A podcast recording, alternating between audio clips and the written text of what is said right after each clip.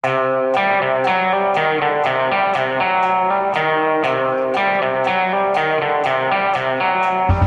norske sikkerhetstjenestene har lagt fram sin årlige trusselvurdering.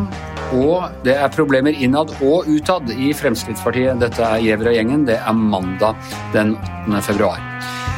Ja, uh, Hanne Skartveit, det er blitt en årlig foreteelse og i motsatt med ganske mye, imøtesett med ganske mye spenning hvert år når altså uh, Etterretningstjenesten, som er liksom den militære og, og, den som speider utad, uh, Politiets sikkerhetstjeneste, som har ansvaret for, for hva skal jeg si, den, den kriminelle sikkerheten i Norge, og Nasjonal sikkerhetsmyndighet, som skal ha det store overblikket, sammen presenterer trusselbildet mot Norge. Eh, I fjor sa de for første gang, tror jeg, at den det høyreekstreme trusselen var eh, større enn den fra radikale islamister. I år har jeg inntrykk av at de stiller dem litt likt. Var det ikke slik du oppfatta det også? Jo, de sier vel i intervjuet med oss at islamismen fortsatt mener de nå er bitte litt farligere, men det er jo i begge disse ytterliggående kreftene er jo en stor trussel mot både oss og resten av Vesten. Ja, For å ta det, det, siste aller først, så var det jo altså en 16-åring eh, som ble, ble, fremstilt her før, eh, før helgen, som er, eh, kommer fra Syria. Eh, kommet på familiegjenforeningsprogram og nå er siktet for eh, å ha planlagt terror. Nettopp det mange har fryktet, eh, og, som er et av de liksom, store greiene med å ta imot eh, flyktninger eh, fra Syria, og særlig unge menn. Ja, det er klart En 16-åring så ung kan ikke jeg huske at noen gang har vært sikta eller vært eh, mistenkt i en sånn type aksjon. Det er eh, veldig skremmende, eh, åpenbart. Men så har det også at, at de sier at høyreradikale nettsteder Og dette tror jeg er første gang de snakker om at altså ikke bare høyreekstreme, men høyreradikale nettsteder kan fungere som inngangsport til ekstremisme, som det står politi hos Politiets sikkerhetstjeneste. Uh, og Sjefen for sikkerhetstjenesten sa også et eller annet om at det er ikke noe galt å være høyreradikal, men problemet var at det kunne, kunne føre til da, at man også ble høyreekstrem, og, og, ekstremisme defineres jo gjerne som at man er villig til å ta i bruk vold for å uh, nå sine mål. Eh, og de mener altså også at eh, alt det som har skjedd i USA, stormingen på Kongressen, QAnon, hele denne ideen om at valget ble, ble stjålet, kan være med på å radikalisere og øke faren for høyreekstrem eh, vold i Norge også. Ja, En veldig liten, sjarmerende type inspirasjon. Og vi vet jo, nå er det snart ti år siden Anders Behring Breivik gjorde sine utkommet sin terror mot, eh, mot, Utøya og regjeringskvartalet. Vi vet jo at han ble jo selvradikalisert gjennom ulike nettsteder, og det har jo ikke blitt noe mindre for å si det sånn, av den type nettsteder ti år, de ti årene etterpå. Og hele QAnon og hele, som vi har fulgt alle sammen, USA. Eh, det som har skjedd der med både ekstremisme og vold til slutt det er klart at det utgjør en fare nettopp for at det inspirerer tilsvarende krefter her hos oss. Ja. Han, sjefen for PST mente også at det at vi nå har covid, at alle sitter isolert, mange flere folk er på nettet hele tiden, det øker også faren for eh, radikalisering. Både både fra islamisme og til høyre? Absolutt. Samtidig hadde Frank Rosavik, vår kollega i Aftenposten, en veldig interessant eh, kommentar i dag. og Han sier at det er mindre polarisert enn vi egentlig tror. At de aller fleste er egentlig befinner seg i midten, men at det er disse ytterpunktene som blir de farlige. med at de er, eh, Hvis vi snakker om en farlig polarisering, så er det kanskje ikke så mange som er der ute eh, som det vi rett får inntrykk av. At veldig mye veldig mye er felles tankegods og felles verdi for de aller aller fleste av oss. Det er jo må vi også ha med oss at det er ikke Vi skal ikke liksom blåse opp for mye. Det er veldig farlig det som er der, men de aller fleste er fornuftige folk. Og, og ter, Hvis vi bare snakker ren terrortrussel, så er det aller meste er fare fra type ensomme ulver, altså folk som har blitt radikalisert og tilhørt en flokk og alt dette her, men at eh, det, er ikke, det, er ikke, de store organisasjonene. Eh, du har ikke et sånt Al Qaida, operativt Al Qaida eller IS for tiden. Det er mer folk som da lar seg radikalisere. Hans Petter Sjøli, du er jo debattredaktøren vår og, er vel den av oss som har mest fingeren på pulsen når det gjelder hva som beveger seg i, eh, hva skal si, i kommentarfeltene og, og, den mer understrømsdebatten.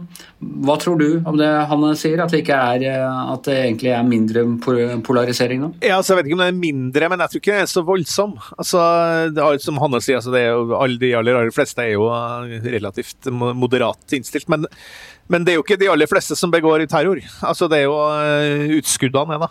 Og, og jeg syns jo det som viser det som PST sier her også, er jo at det, det er jo internett som er den store utfordringa. Altså det, det, har endra hele si, samfunnsarkitekturen. Altså det er internett, sosiale medier, dypnettet. Altså det, det, er mulighet for ekstreme krefter da, å finne hverandre på en helt annen måte enn før. Og det er klart det er jo en enorm utfordring også for, for sikkerhetstjenestene. Ehm, så, så det, ja, eh, Det er jo interessant å se om det der tingene tinga som skjer nedover i Europa også. ikke sant? Eh, med, med de der covid-demonstrasjonene og, og, en slags sånn eh, opprør mot, mot nedstengninga. Om, om, det kan vise seg også i Norge. da. Nå det vel du Hanne som var på den demonstrasjonen på lørdag. Det var vel ikke de rare greiene, så det spørsmålet kanskje ikke det er så stor, stor farlighet for det nå. Jeg vil bare si at jeg var ikke på den demonstrasjonen. Du var deltaker. Hanne sto i første rekke uten munnbind. Og... Du sto og spionerte på. Ja, jeg gikk forbi. Det var ganske interessant, for jeg har gått forbi de folka faktisk eh, en gang før i byen. De sto utenfor Stortinget, en som sto med en svær ropert og ropte ut sine slagord og beskyldninger mot uh, regjeringa og systemet og alt. Og så var det en maks 60-70 stykker som sto rundt der, og det var en litt sånn pjuskete hele greia. Hvis du ser da sammenligna dette med det som skjer i København og Nederland og andre land i Europa, så tenker jeg at vi fortsatt har både bred tillit til myndighetene og har en eh, Vi har ikke det klimaet her, og det må vi passe veldig godt på. Bl.a. gjennom å ha åpen debatt og kritiske spørsmål og stille makta til veggs og på en måte være Sørge for at det er åpenhet og uh, rom for tvil og diskusjon om også covid-tiltak og hele, alt det vi står oppi nå. Du mener ikke at de var pjuskete i form av at de så ut som de hadde symptomer? Nei, på ingen måte. Det var mer at de var Men, så få. Du, en, en, ting til eh, som, som, da sikkerhet eh, Altså alle tre for så vidt tok opp, det er jo far, Og det er første gang dette har kommet så høyt opp på agendaen, antagelig fordi vi nå skal ha et stortingsvalg. Og det er faren for påvirkning utenfra. Eh, de la vel ikke særlig skjul på at det er særlig Russland, men også til en viss grad Kina. Eh, man frykter påvirkningen til, og det ble kobla litt til disse store eh, hackerangrepene vi har hatt bl.a. mot Stortinget. Hvor alvorlig skal vi ta denne? Altså er det en sånn generelt 'dette må vi passe oss for', eller tror du f.eks. russisk etterretning Eh, har interesse av å gå inn og direkte prøve å påvirke valgresultatet i Norge? Og hva vil de i så fall prøve å påvirke til? Jeg er ganske sikker på at Deres fremste mål de er ikke så opptatt av hvem som vinner valget, men jeg tror de er veldig opptatt av å så dyp mistillit hos de brede lag av folken til selve demokratiet. Til valg. De vil så kaos for å vise sin egen at det vestlige demokratiet er ikke så mye å trakte etter. Eh, sånn at det å, så kaos på et eller annet vis er det viktigste målet deres. Og så tror jeg de gir litt mer blaffen i altså vi har jo ikke liksom, Valget her står jo ikke mellom Hillary Clinton og Donald Trump. Det er eh, alle, alle de aktuelle statsministerkandidatene og sentrale politikerne er innenfor en ramme av en slags kollektiv fornuft. Så jeg tror bare det at de ønsker å fucke opp mest mulig, er det som er målet deres. Og vi skal ta det veldig alvorlig. Men det er jo interessant, for tradisjonelt så hadde vi altså Russerne har jo alle Vi trenger ikke være naive der. Alle har prøvd å påvirke hverandre eh, bestandig. Eh, og um, Russerne har også prøvd å påvirke Norge, men da var det mer tradisjonelt. Da prøvde de liksom, da var det Norsk Kommunistparti og delvis SV og sånne ting, sånn som var liksom nei til atomvåpen og sånne ting eh, de gjerne eh, ville støtte. Liksom. Mens nå er det altså ikke jeg vet ikke om, de liksom leter etter noen med, med russiskvennlig politikk, men det er bare mer generelt den derre underminere eh, demokratitanken hans, Petter? Men også, ja, det, og det er jo selvfølgelig også internett. da. Det er en helt annen mulighet å nå ut. Du trenger ikke å innom de partiene, du trenger ikke innom det etablerte miljøet. helt. Trenger ikke å gi penger til noen som står utafor Stortinget og skriker i det hele tatt? Nei, og da ble det mye vanskeligere å finne dem også. Eh, jeg syns det var interessant da, da Navalnyj-saken kom opp, eh, eh, så var svaret til Lavrov, altså utenriksministeren i Russland, var jo at, at nei, nå, det her er et uttrykk for at Vesten bare prøver å prate bort sin egen krise. Det virker som det hele som, forsvarsverket til russerne handler om det nå, og de prøver hele tida å så tvil om, om, hvorvidt demokratiet har sjanse til å hevde seg da, i konkurransen med det mer, ja, systemet som de sjøl representerer. Så, så det er ganske ganske tydelig det er det som er det russerne fokuserer på nå. Altså det det som de prøver alltid å slå tilbake med. Og om de, Jeg vet ikke om man skal si at de lykkes i det, men det er i hvert fall en bølge nå med ganske sterk Eh, mistillit til hva skal du si, sentralmakten og myndigheter og, og, sånne ting. Er det ikke det, Hanne? Det, det er fruktbar grunn for den type populistisk eh, demagogi for tiden? Ja, mindre tror jeg i Norge enn mange andre steder. Men hvis du ser f.eks. på USA, som, hvor det var massiv påvirkning Ja, Nå tenkte jeg generelt i, i ja, verden. Hvis på USA... I, i, Norge, I, Norge, har det jo egentlig resultert i at Senterpartiet Du kommer ikke mer midt i politikk. Eh, så der har i så fall strategien ikke slått helt til. Men hvis du ser på type USA USA-valget 2016, hvor vi ser at russerne var veldig veldig aktive, så må vi si at der har det lyttes. Der er jo tilliten gått rett i bånn. Husk på at på 60-tallet tror jeg det var, så var det amerikanernes tillit til deres statsapparat lå oppe i langt over 70, mellom 70 og 80, nærmere 80 Og nå er det nedpå tror jeg, 16-17. Så det er ikke så vanskelig. Altså, det, hvis du bryter den tilliten, så skal det veldig veldig mye til for å, å bygge den opp igjen. Og, og, så vi skal passe på. Det er virkelig, De kan få til ting her. og Hvis vi ikke er oppmerksomme på at vi er veldig sårbare, vi òg. Da vil jeg understreke at, at, mye av den tilliten skyldes amerikanerne selv også. Det er, ja, da, ikke, det er ikke bare russerne. Ja, ja, ja, absolutt. Men de, har, de hadde mer fruktbar bark der enn de har her, tror jeg. Men vi må passe på i Norge også, og, og derfor har jo uh, vi annet trykka flere kronikker nå av statsvitere altså, som, som, er ute og uh, forsker på det her, på tillit i Norge nå. Altså, er, de har ikke noen hypotese om at den er blitt mindre, men at vi skal i hvert fall være veldig forsiktige med å tro at eller, alt sammen er så bra i Norge, og så er det vanskelig ute. Vi må, vi må følge med nøye på, på ting her og om hvorvidt uh, hvis den covid-situasjonen varer mye lenger, så kan det jo ende opp i si, andre reaksjoner også i Norge. Det, det, vi er jo ikke forskåna for sånt her heller. Du, jeg bruker dette som en direkte overgang til, til neste sak. Altså, vi snakket om Fremskrittspartiets problemer uh, her uh, forrige uke. Med, med, ja, de er nå på størrelse med uh, SV. De har ikke fått noen gevinst av å gå ut av regjeringen. Dette skyldes delvis covid osv. Sånn. Men VG har da hatt en undersøkelse som eh, viser at eh, eh, flertallet av FrPs velgere ved forrige stortingsvalg har forlatt partiet nå, hvis vi skal tro meningsmålingen vi har. Og den største Altså, Senterpartiet er det enkeltpartiet som som stjeler flest av velgerne deres, og det er til høyre. Men det er jo interessant å se at den største gruppen er usikre.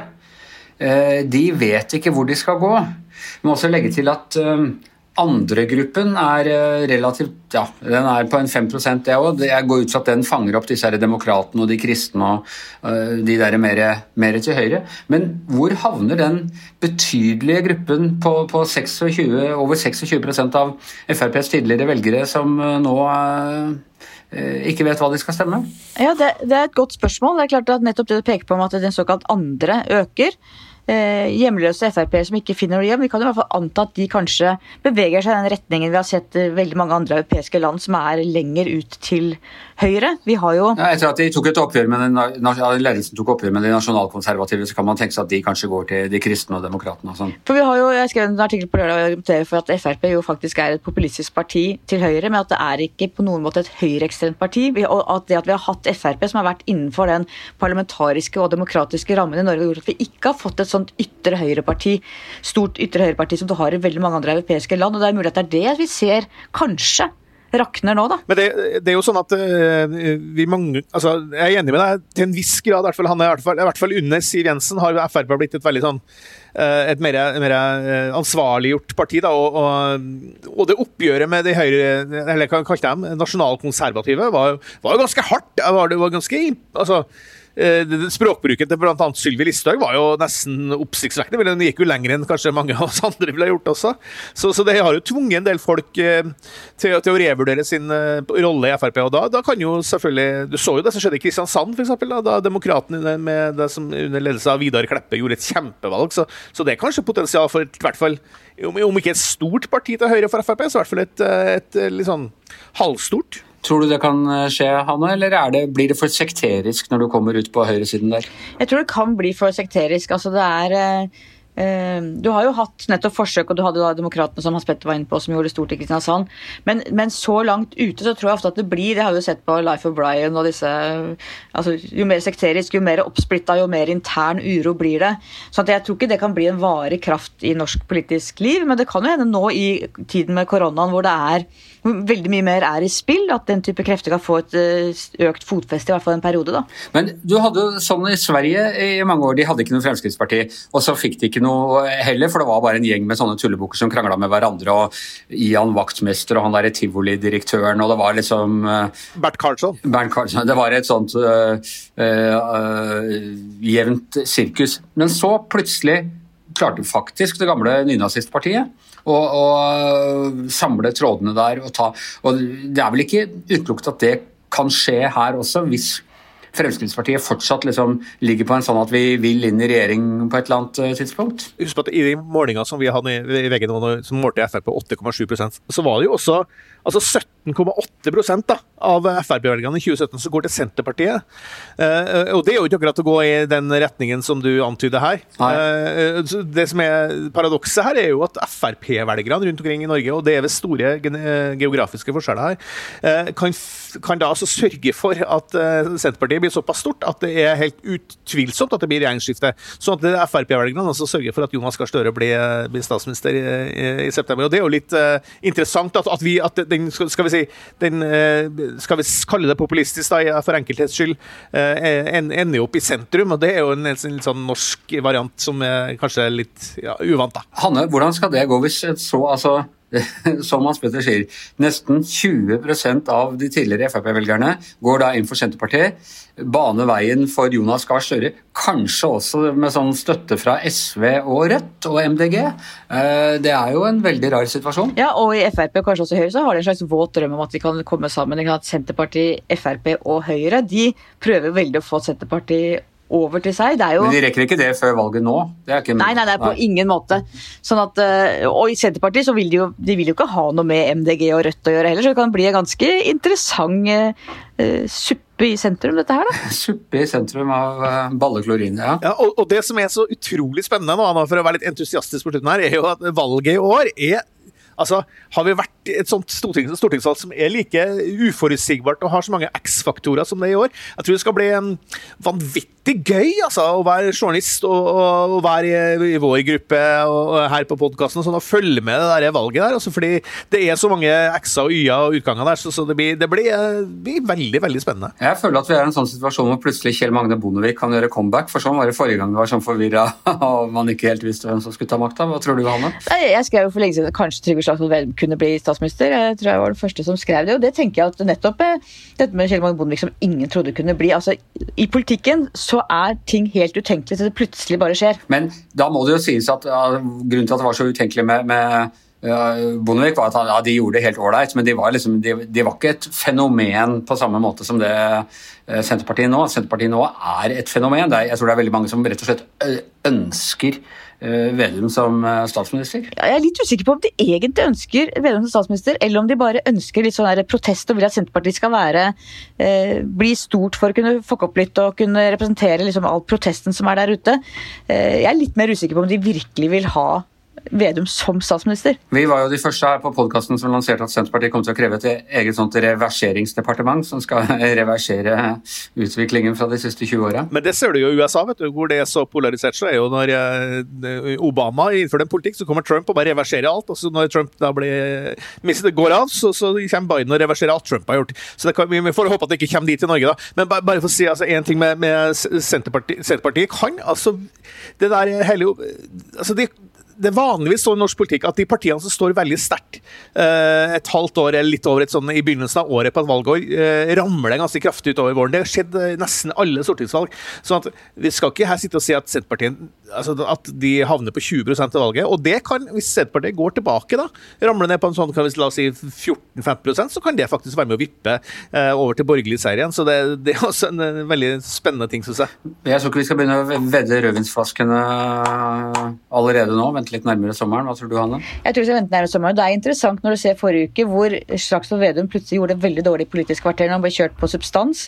At han har hatt et par episoder nå hvor han ikke har vært noe god til å svare på den faktiske politikken. Hvor han blir stilt mye mer til veggs, som det er naturlig når det blir såpass stor som Senterpartiet nå har blitt. Så jeg tenker at det godt kan snu for Slagsvold Vedum relativt kjapt òg. Ja, Vi husker hvordan det gikk i 2017. Da lå Jonas Gahr Støre og Arbeiderpartiet veldig veldig godt an på akkurat disse tider eh, før valget. Og um, vi husker hvordan det gikk, Hanne. Det husker de òg. Derfor skal vi spare våre øh, synske evner litt, være litt mer øh, budsjettere litt hardere på dem denne gangen. Gjever-gjengen er over for i dag. I hvert sitt hjemmestudio Hanne Skartvedt, Hans Petter Sjøli, jeg heter Anders Giæver, og i sentrum av podkasten står klippefaste produsent Magne Antonsen.